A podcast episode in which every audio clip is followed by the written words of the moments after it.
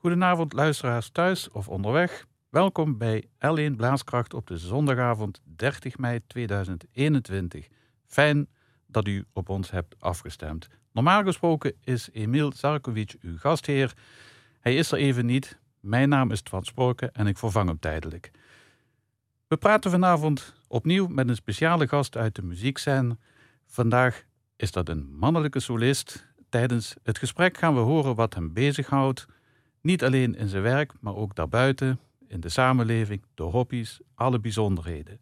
En zo verneemt u wat hem inspireert, hoe de carrière vorm kreeg, werd ontwikkeld, waar hij mee bezig is, welke muziek zijn hart wat sneller doet kloppen, of juist niet natuurlijk.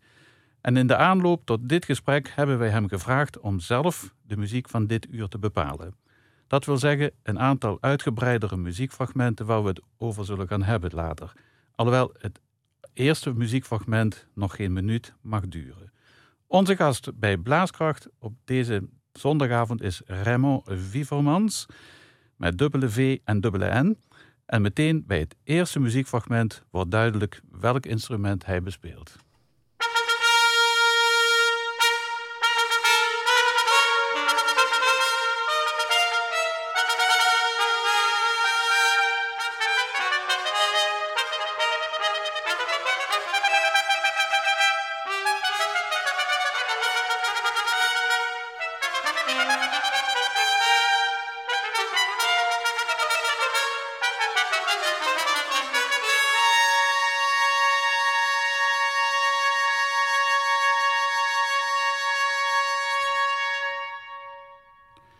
Raymond Vivermans, geboren in 1963 in Nieuwenagen, om precies te zijn de parochie Nieuwenager Heide.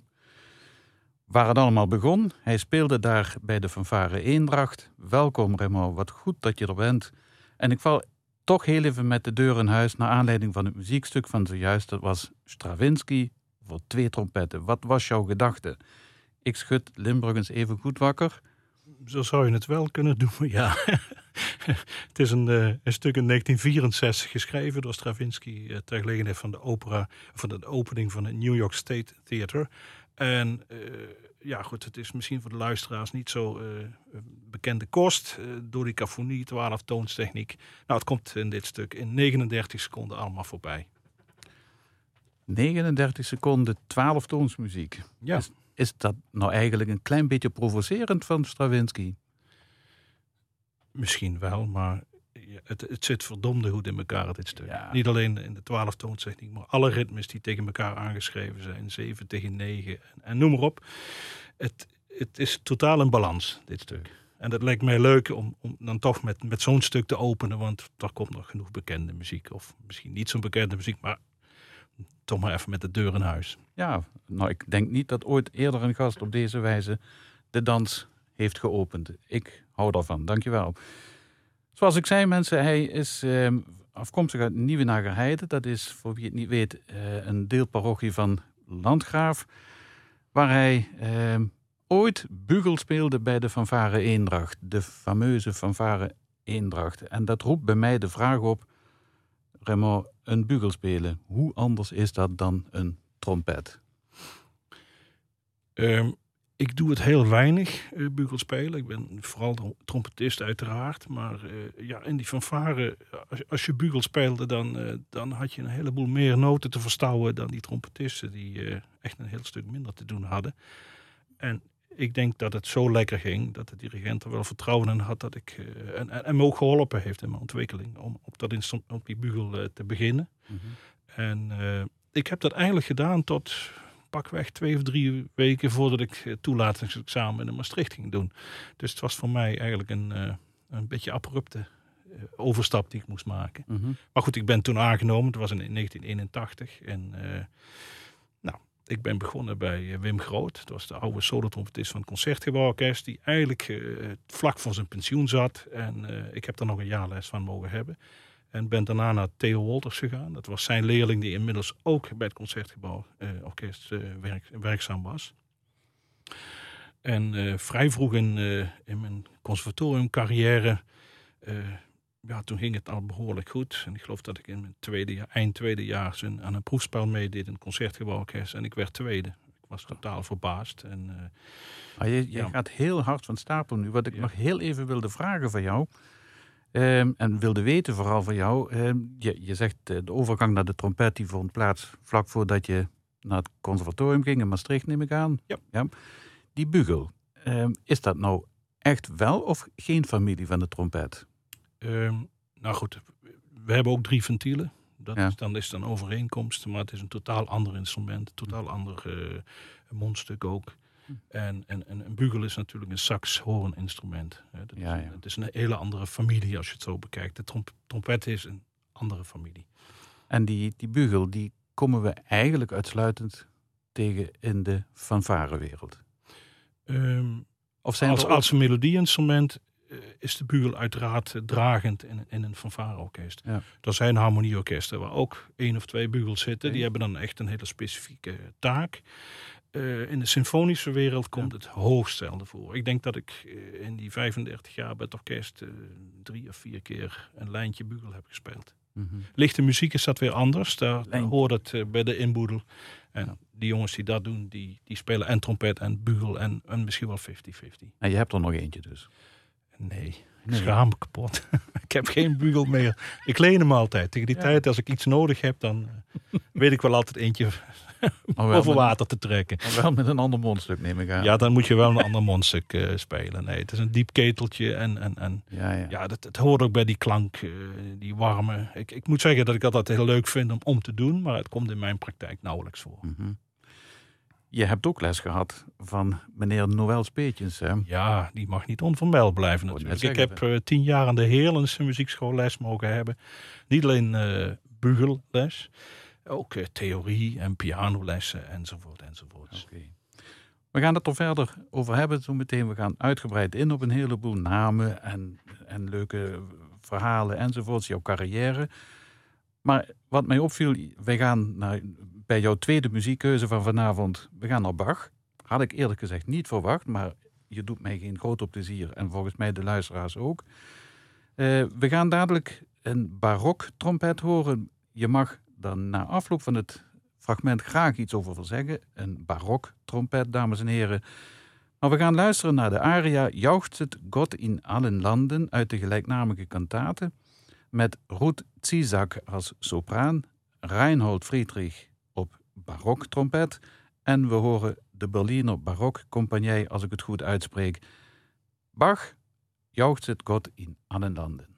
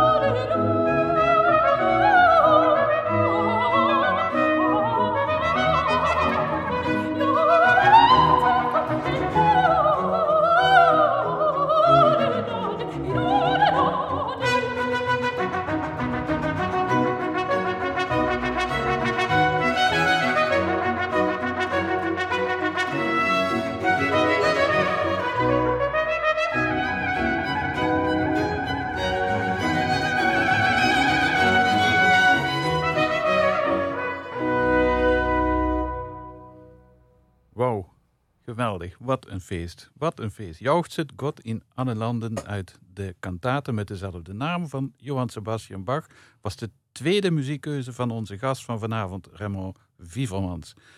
Remo, hoe speel je het klaar op een baroktrompet om dit te spelen? Je moet toch wel ontzettend lenige lippen hebben, of zie ik dat verkeerd? Ja, dat zie je heel goed. Ehm, nou, we hadden het toen straks over de instrumentenfamilies. En uh, jij dacht dat er een hele logische link lag tussen bugel en trompet. Maar dat is dus niet zo. De geschiedenis van de trompet, en dit stuk komt dan zeg maar uit de gouden tijd van de trompetisten. Um, trompet was in de barok een soort statussymbool. Uh, als je als uh, wereld- of geestelijke macht jezelf wilde presenteren, dan, dan zorgde je dat je trompetisten in dienst had. En die instrumenten, je kunt je er bijna niet voorstellen. het maken van bochten in buizen, dat was wel, was wel heel lastig. Dat werd volop ontwikkeld, maar die instrumenten zagen er ook nog eens heel erg mooi uit. Met allemaal zilveren kransen erop gemaakt en, en knoppen en noem maar op.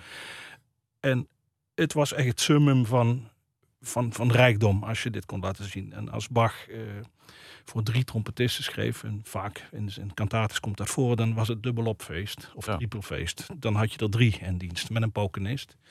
En dat waren echt de hoogtijdagen. Nou, dit is een, een voorbeeld uit die tijd waar het echt alles bij elkaar komt. En een sopraan, een coloratuursopraan in dit geval, die echt in, in dezelfde hoge ligging als de baroktrompet speelt. En een solo trompet. Ja, en die trompet, heb ik nou gelijk als ik zeg dat een baroktrompet hetzelfde is als een natuurtrompet? Um, wij noemen ze baroktrompetten, maar eigenlijk is het een natuurtrompet. Je, moet je voorstellen dat, uh, dat men toen in staat was om met, met lood en met kloppen, dat je een bocht in een trompet kon maken en in een buis kon maken. Mm -hmm. En die trompet is eigenlijk twee keer zo lang, kun je zo even grofweg zeggen, dan de moderne trompet. Mm -hmm.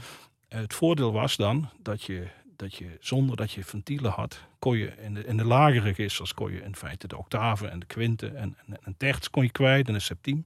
Maar dat was het dan ook een beetje. Maar ging je in de tweede octaaf, dan kon je al bijna een toonladder spelen. Ja. Ik moet er meteen bij zeggen dat, een, dat de noten op een natuurtrompet dus niet echt naturaal zuiver zijn. Daar zitten echt behoorlijke afwijkingen tussen. Hoe die mensen dat zo mooi hebben kunnen doen. We hebben geen opnames uit die tijd. Maar dat was echt een, een, een huzarenstukje om dit te doen. Deze aria is, is, of die hele kantate is, is een, is een uh, kamikaze stuk voor de trompetist. Ja. Nou, we zullen het straks ook nog hebben over Reinhold Friedrich natuurlijk. Een van de namen eh, die jou zeg maar toch mede gevormd hebben. Eh, we hadden Noël net, we hebben het gehad over, over Wim de Groot. Ehm, Theo Wolters, betekent, was Theo Wolters de opvolger van de Groot en het conservatorium? Ja, wat ik net zei, Groot die ging na één jaar dat ik les van hem had gehad uh, met pensioen. Dus ik zou ja. net kunnen zeggen dat ik de laatste leerling in Maastricht was die die onder zijn hoede heeft genomen. En Theo Wolters was toen net benoemd in Maastricht. En ja. toen Groot stopte, toen was de overstap eigenlijk wel heel logisch om naar Theo uh, Wolters te gaan. Ja. En daar heb ik dus zes jaar les van gehad. Ja. Zo.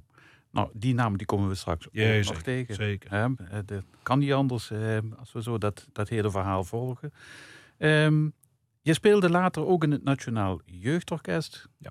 en in de Amsterdamse politiekapel, hm. waarna je nog eigenlijk tijdens je studie, als ik het goed begrepen heb, um, plaatsvervangend trompetist werd in het Brabants Symfonieorkest. Brabants Orkest, ja. Uh, Brabants ja, orkest, die dingen ja, zijn best snel gegaan. Ik, wat ik toen straks zei, ik werd, toen ik tweedejaars werd, uh, deed ik eens mee aan een proefspel in Amsterdam, het Concertgebouworkest. Ik werd tweede. Zo. Ik heb die baan natuurlijk niet gekregen. Als je tweede wordt, dan krijg je die baan niet. Dus dat is nou eenmaal mm. de keiharde realiteit. Maar ja, goed, uh, dat, dat ging vrij snel. Ja. Niet frustrerend, toch? Nee, absoluut niet. Ik bedoel, je doet op dat moment je best. Je hebt je goed voorbereid. En dan ga je spelen voor wat je waard bent. Ja. En dan is de keuze van de jury, die is bepalend wie die baan krijgt. Ja. Zo gaat het in de orkestenwereld. Ja. Maar je was toch wel erg jong om bij dat Brabants Orkest al terecht te komen. Want je bent er daarna blijven plakken, heb ik begrepen. Hè? Ik heb er uiteindelijk uh, iets meer dan 25 jaar gespeeld. Voordat de fusie met de Philharmonie, ja. met het LSO uh, een feit werd. Ja, nou, bijzonder. Je bent dus bij het Brabants Orkest gebleven, we zeiden het al. En je werd op een gegeven moment vaste eerste trompetist. Zeg ik dat goed? Ja. Remo, de stoelverdeling bij zo'n orkest, dat vind ik heel ja, altijd boeiend. Je ziet ook in de advertenties, in de krant wel eens staan zo van... eh, er wordt een, is een vacature voor de tweede stoel fagot of de eerste hobo enzovoort. Kun jij heel kort uitleggen hoe dat werkt? Eh, zoals je weet zijn er heel weinig eh, banen te verdelen in, in een symfonieorkest. Eh, Er er niet zoveel orkesten in Nederland. Mhm. En eh, je solliciteert op een positie. Er is een proefspel. Je wordt uitgenodigd om te- komen auditeren. Je hebt een programma te spelen. En je krijgt die baan, als het goed is, als je nummer één bent, aangeboden. En dan ga je op die stoel zitten. Mhm. Dus het idee, wat misschien mensen hebben in, in de amateurwereld, van de derde trompetist. Ja, die is gewoon, dat is gewoon een derde trompetist. Dat is, Oké, eh, dat, maar die kan heel goed veel beter dan Ah. de eerste trompetist zijn. Ja. Toevallig was die eerste stoel al bezet. Dus er is een auditie van derde trompet. oké. Dus dat is niet gewoon een, een, een competitie zoals veel... Het is een competitie, maar de uitkomst is van tevoren bepaald. Want eh, het Ja, is een positie ja. waar je auditeert. Goed, we gaan er zo meteen over verder praten. We gaan ook weer naar een muziekstuk luisteren, dames en heren. En eh, anders dan anders stel ik voor dat Raymond Vivermans zelf het stuk even aankondigt. Ja. Ehm, toen eh, Twan mij vroeg om het muziekfragmenten eh, uit te zoeken, toen dacht ik, ik moet iets hebben waar we het oude Brabants Orkest nog één keer eh, kunnen horen. En, en de aanleiding dat dit stuk gekozen heb, is wel heel bijzonder. Eh, dit, deze opname uit 1999 gemaakt. Ehm, eh, met muziek van Alma Mahler, de vrouw van de beroemde componist Gustav Mahler. Ehm, die was aanleiding in de laatste luister. eh, om in ieder geval als een soort toonaangevende opname nog een keer naar boven water te trekken. Alma Mahler eh, heeft een aantal liedercycli gecomponeerd. En we hebben samen met Charlotte Margiono hebben wij een aantal cycli opgenomen. En daar gaan we één stuk uit horen, Ansturm.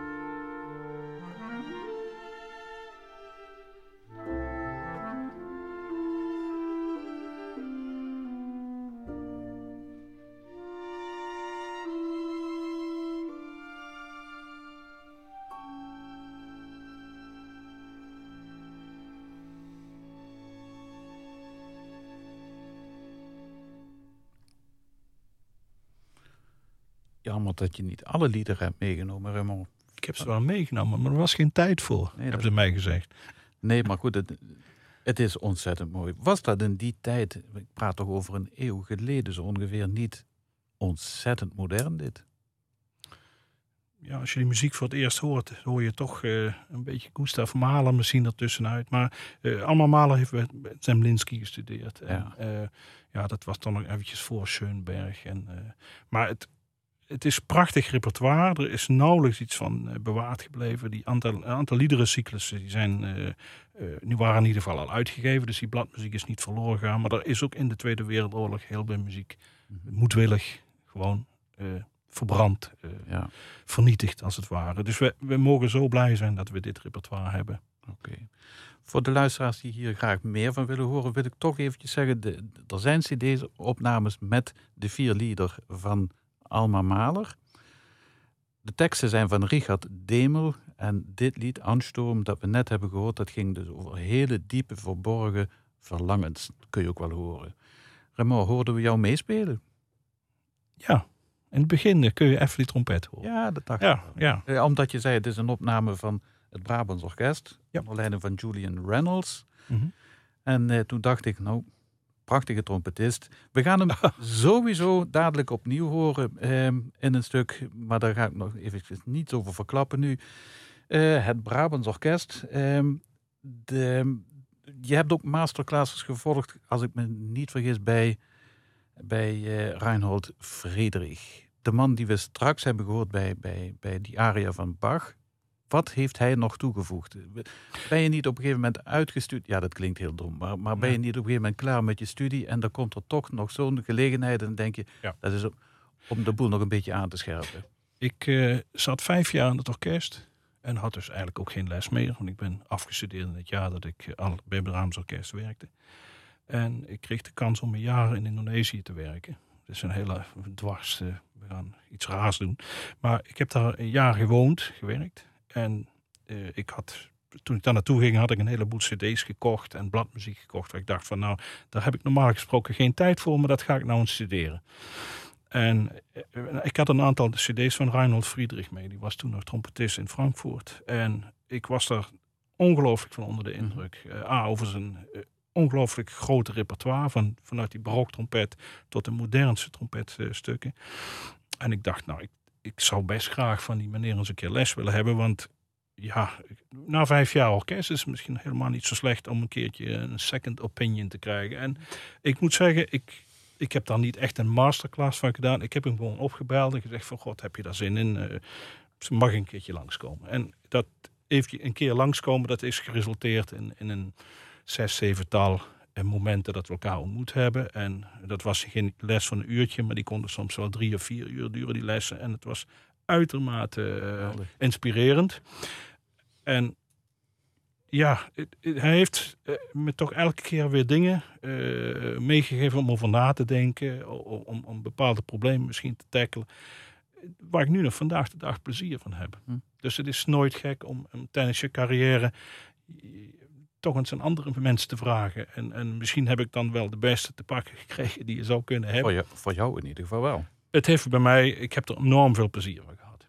Chic. Ja. Nou, fijn. Ja, zou je, blijf je studeren trouwens als je in het symfonieorkest speelt?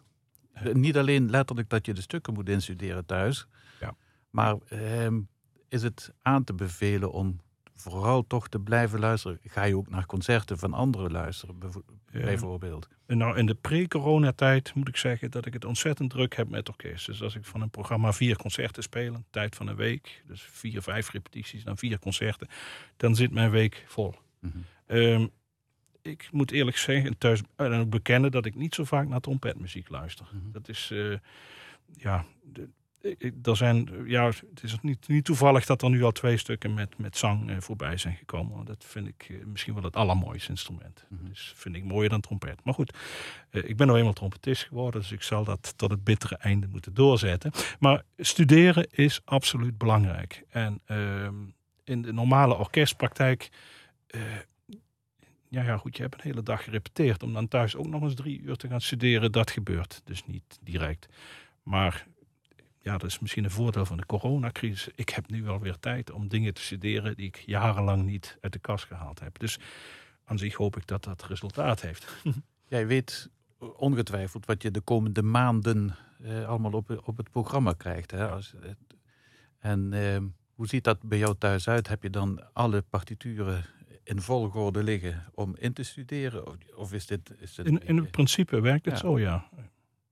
We halen muziek uit de bibliotheek. Ja. Die ligt klaar voor je. En dat ga je studeren, zodat je de eerste repetitie in feite de, die je zaken beheerst. En dat ja. dan een kwestie is van dingen in elkaar zetten. Oké, nou ja, prima. Wij gaan jou opnieuw horen. En nu best een beetje uitgebreid. ehm, als een van de twee solisten in het, wat dan heet, het eerste pianoconcert van Dmitri Shostakovich. Officieel zou je moeten zeggen, dames en heren, dit is het, het concert voor piano en trompet. Maar het staat nog helemaal te boek heel vaak als het pianoconcert nummer 1 van Dimitri Shostakovich. Ik zou zeggen, ga u er maar eventjes voor zitten. Dit wordt een vrij uitgebreid fragment. Ehm, namelijk de finale, het laatste deel van dit wervelend stukje, deze bruisende compositie. En we horen andermaal het Brabants Orkest onder leiding van Kees Bakels.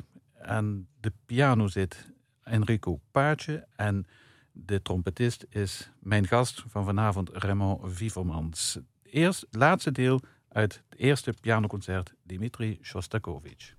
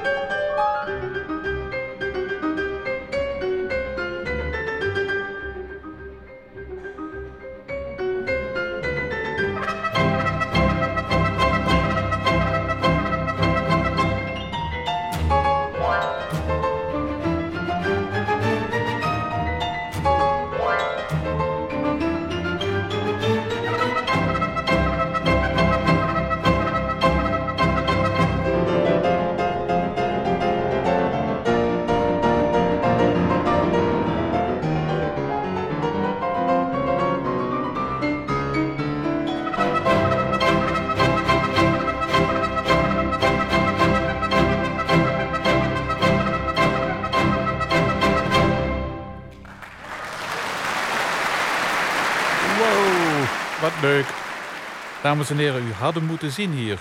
Normaal gesproken heeft hij een trompet aan zijn lippen. En nu heeft hij bijna zitten meedirigeren. Jij hebt ook trouwens nog directielessen gevolgd, hè? Ja, ja, ja. HAVA-directie. Hava. Ook gedaan naast Ja. de trompet, ja. Nee, maar goed, ik snap dat je, dat je uiteindelijk, eh, zo heb je het ook verteld, voor de carrière hebt gekozen voor, als trompetist. Maar het was wel heel grappig om te zien hoe je hier zat mee te doen. Trouwens, dat, wat een bruisend stukje. Dat heet met recht brio. Ik, je hebt het gevoel, je staat in een speeltuin. Je hoort kinderliedjes, je hoort een feest, ongebreideld feest. Soms krijg ik een beetje de indruk alsof je in een frushop tent staat. Hè. Wat een leuke muziek. Heb jij, kun je er nog iets over vertellen over dit stuk, heel kort? Ehm, nou ja, heel kort. Je hebt eigenlijk het bijna het gras voor mijn voeten weggemaaid. Maar dit stuk van, van de jonge Shostakovich zit vol met satire, jazz, eh cafémuziek, Ja. eh, parodie. Hij gebruikt citaten van Beethoven, Haydn. Eh, hij citeert zichzelf. Eh, het is een, een vo- een volslagen maloot stuk met een prachtig tweede deel. Langzaam deel Oh is, ja. is, is werkelijk van, van, van zeer hoog niveau. En, en het is een feest om te spelen. En ja, dat, daar heb ik goede herinneringen aan. En, en je moet er behoorlijk bij tellen, denk ik. het, tellen is zeker zo moeilijk als het spelen, ja, in dit geval. Leuk. Remo, Brabants Orkest hebben we gehad. Ehm, toen kwam er een fusie met het Limburg Symfonieorkest. Ik neem aan, eh, dat werd dus de Philharmonie Zuid-Nederland. Ik neem aan dat dat een weerzien was met heel veel oude bekenden van je. Zeker. Ehm, nou, de meeste bekenden, eh, die waren een heel stuk jonger dan ik. Laat ik het zo zeggen. Oh, ja, en zeker omdat ik al vrij vroeg eh, van het conservatorium eigenlijk nauwelijks meer les heb. Ik heb al les gehad, maar niet meer op het conservatorium. Dus Ja. ja, goed, de kennis kom je altijd tegen, Ja. uiteraard. Zeg, en, en ben je tevreden met de ontwikkeling van het orkest? Absoluut. Ja. Ik denk dat het orkest eh, een, een prima ontwikkeling doormaakt. Eh, ja, het, het, het, aanpassen in het begin is natuurlijk altijd moeilijk, maar dat is bij elke fusie. Of je dat nou in het bedrijf eh, meemaakt of ergens. Dat was mijn eerste fusie die ik meemaak. Ik had collega's die al de, in de derde fusie eh, terecht waren gekomen. Eh, maar ik denk dat alles op zijn pootjes en, en, en dat er gewoon hele goede dingen gebeuren. Absoluut. De lat ligt hoog, geloof ik, hè? Absoluut, nee, maar dat moet ook. Dat, Ja. daar zijn we voor op aarde natuurlijk. Ja, zeker. Jullie repeteren zowel in Eindhoven als Maastricht. Is dat niet lastig? Is dat... Het is een, uiteraard een soort politiek besluit. Hè? Zodat beide standplaatsen zich eh, gekend voelen. En daar is van alles van te zeggen. Dat is ook begrijpelijk. Ehm, ja, het hele zaakje, het is net als het Europees parlement. Dat verhuist af en toe naar een andere standplaats. Ja, klopt. Daar kun je van alles van vinden, maar dat is de realiteit. En eh, nou, daar moeten we het beste van maken. Nou ja, goed. Jullie zijn natuurlijk ook het orkest van het zuiden. Ja. En daar, hoor, daar horen verschillende provincies. Komen jullie trouwens ook nog in Zeeland? Ehm, eh, we hebben elk jaar wel twee of drie concerten in Zeeland. Ja, en eh, we doen af wat kamermuziek eh, dingetjes of onderwijsprojecten. Die, die lopen daar. Maar het is natuurlijk niet... eh, het is ook eigenlijk voor iedereen heel erg ver weg. Als je uit Maastricht naar Vlissingen moet, dan, ben je een halve dag onderweg. En, Het is, het is niet anders. en nog eens een keertje een halve dag terug. ook dat nog eens, ja. ja, ja. Een vraag die mij altijd op de lippen brandt. En dat is er ook eentje die je vaak hoort uit de zaal. Zo'n orkest speelt onder meerdere dirigenten. Je, er is een chefdirigent en jullie krijgen binnenkort een nieuwe. Ehm, hoe is het nou om om te gaan als orkestmuzikus met die verschillende inzichten van een dirigent? En heel specifiek, hoe is het om een stuk van Beethoven, Schubert, eh, Brahms, wie dan ook, te moeten spelen onder verschillende inzichten van dirigenten? Eigenlijk is dat ook wel een van de leuke kanten van ons eh, vak. Ik bedoel, je, je memoreerde net eh, Beethoven. En eh, als we het dan eventjes over de vijfde hebben. een veelgespeeld stuk. Ik denk dat je, dat je in, in je carrière dat heel vaak tegenkomt. Maar als het goed is, zitten er altijd een paar jaar tussen. Ehm, als ik op eh, dinsdagochtend eh, de map openmaak, althans thuis heb ik dat natuurlijk al al zitten studeren, maar als we de map op dinsdagochtend openmaken, dan is dat de muziek die, eh, die het mooiste is. Want je gaat daaraan beginnen en je hebt dirigenten die soms hele andere dingen willen met die muziek dan je zelf in eerste instantie dacht. En dat is, dat is alleen maar interessant. En die wisselwerking tussen orkest en dirigent, die zorgt uiteindelijk voor hoe dat stuk uiteindelijk gaat klinken. En eh, ja, dat kan soms wel eens. Dat je denkt van, goh, dat hebben we toch tien jaar geleden veel mooier gespeeld. Ja, het kan best, maar het- ja, gelukkig is het ook elke keer anders. Ja, ja, ja, natuurlijk. Zijn er ook wel eens wat grappige dingen voorgevallen? Zo met, dat je zegt van nou, de meningen die liggen wel een kilometer uit elkaar. Dat kan. Ja. En dat is soms een persoon. Als je zelf een lekkere week hebt gehad en je hebt het gevoel gehad dat de dirigent jou eh, met rust heeft gelaten en je gewoon lekker heeft laten spelen, dan kun je een heel positief gevoel hebben op het einde van de week. Maar heb je dat gevoel niet? Nee. Dat ligt ook een beetje in jezelf natuurlijk. Hè? Speel je ook trouwens mee bij, bij de opera-producties? Ehm, ik heb af dit seizoen, waar we nu mee bezig zijn, heb ik wel eh, Ravel en Poulenc gespeeld met opera's uit. Ja. Dat vond ik een eh, feestje, want het waren bewerkingen van opera's. Dus Ja. er zat geen heel orkest, maar alles wat enkelvoudig en een, toegevoegde accordeon en piano en harmonium. Ik vond het een feestje. Was dat een corona-versie? Dat was een eh, corona-versie. Ja, van die Ravel, die bewerking bestond al. Eh Poulenc is volgens mij, eh, was ook een bewerking, maar er was veel sleutelwerk aan nodig. Mhm. Maar ik vond het een feestje. Ja. Bij de afgelopen editie, Donny, Donizetti, wat was het? Délisier d'Amore. Ja. Daar zat helaas geen trompet in deze bewerking. Het was strijkkwartet met contrabas en de houtblazers met hoorn. En piano, geloof ik. Het was echt een hele kleine, elf mensen. Meer was het niet. Oké. Ehm, we gaan dadelijk naar het volgende fragment luisteren, dames en heren. Dat is van Claude Debussy. De meeste mensen zeggen altijd Debussy, maar ik weet van de Française dat het Debussy is. Ehm, wil jij ons vertellen wat we gaan horen? Ja, eh, het is het tweede deel uit de drie nocturnes, de nachtmuziek. Nou, nocturne is een nachtmuziek. En het tweede deel, het heet Feit. Ehm, dit is een opname van de Philharmonie Zuid-Nederland in het eerste seizoen van het bestaan. En eh, ik moet eerlijk zeggen, ik had de opname een paar jaar niet gehoord. Maar als ik er nu naar terug luister, denk ik, ik vind het verrassend eh, Hm. feestelijk klinken. Dus laten we er gewoon naar luisteren. Oké.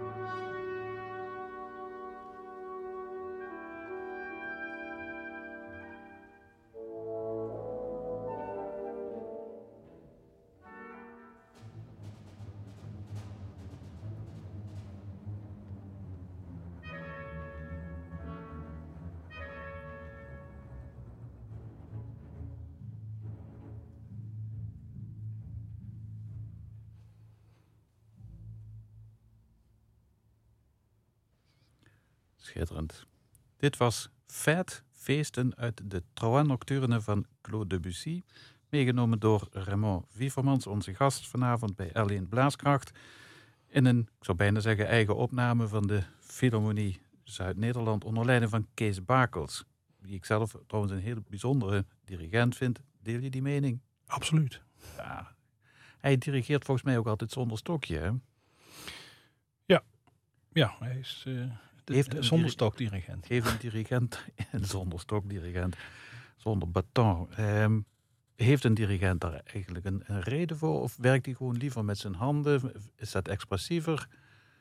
Zie je het trouwens even goed vanaf de stoel waar je zit? Ehm, ik denk dat dat heel persoonlijk is. Ik, ik, ik weet niet, ik, eh, eh, Soes en Stro bijvoorbeeld, die dirigeerde altijd met dirigeerstok. En, die was ook kampioen in de Franse muziek. Mhm. Ehm, ik denk dat het, ja, dat is een keuze die de dirigent maakt natuurlijk, eh, wat hij daar prettig vindt. Uh, Gergiev heeft eigenlijk ook nooit een dirigeerstok, maar die wil wel iets in zijn handen heeft. Dus je kan met een kaasprikker ook dirigeren.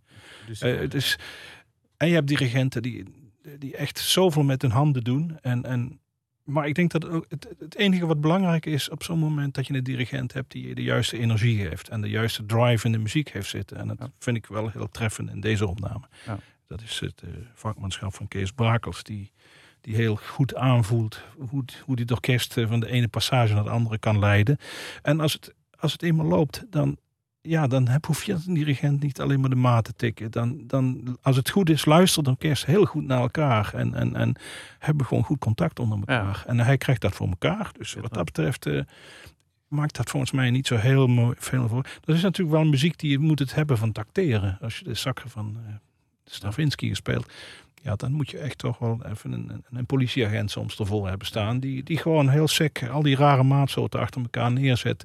En die moeten tot achter zijn lessen aan duidelijk zijn. Waar, Ja. die, waar die één zit. Ah, fantastisch. Mooi. Jij speelde als gastspeler, zei je straks eventjes, eh, ook in verschillende andere landen. In Duitsland ben je geweest, in, in België. En je noemde Indonesië. Mag ik vragen? Oh, nou, dat is een misstand. Het, eh, ik heb een keertje in Mumbai gespeeld, in India. In India. Ja, eh, Indonesië, dat was een project wat ik in 91. Oké. maar Dat was een, een, een onderwijsproject. Daar heb ik ook gewoon trompet gespeeld, uiteraard, maar vooral les gegeven. Eh, in Mumbai heb ik een, een, een maand gespeeld. En ja, dat is wel een hele bijzondere belevenis. Er zaten wel geteld vijf Indiërs in dat orkest, allebei bij de tweede violen. En de rest kwam ja, vanuit de hele wereld, toen dat nog mocht, eh, eh, binnengevlogen. Uit Rusland, uit Kazachstan, uit eh, Engeland, uit, ja, noem maar een land op, Amerika, Venezuela. Dat was een, een samengeraapt orkest en met verschillende dirigenten. We hebben daar, ik geloof in, in de tijd van een maand, zes programma's uitgevoerd. Ja. was telkens maar één concert. Drie dagen repeteren, één concert, een dag vrij en dan het volgende programma. Mhm. En nou ja, dat was wel, dit was wel een belevenis, laat ik het zo zeggen. En, en vonden de mensen van India het zelf ook een belevenis?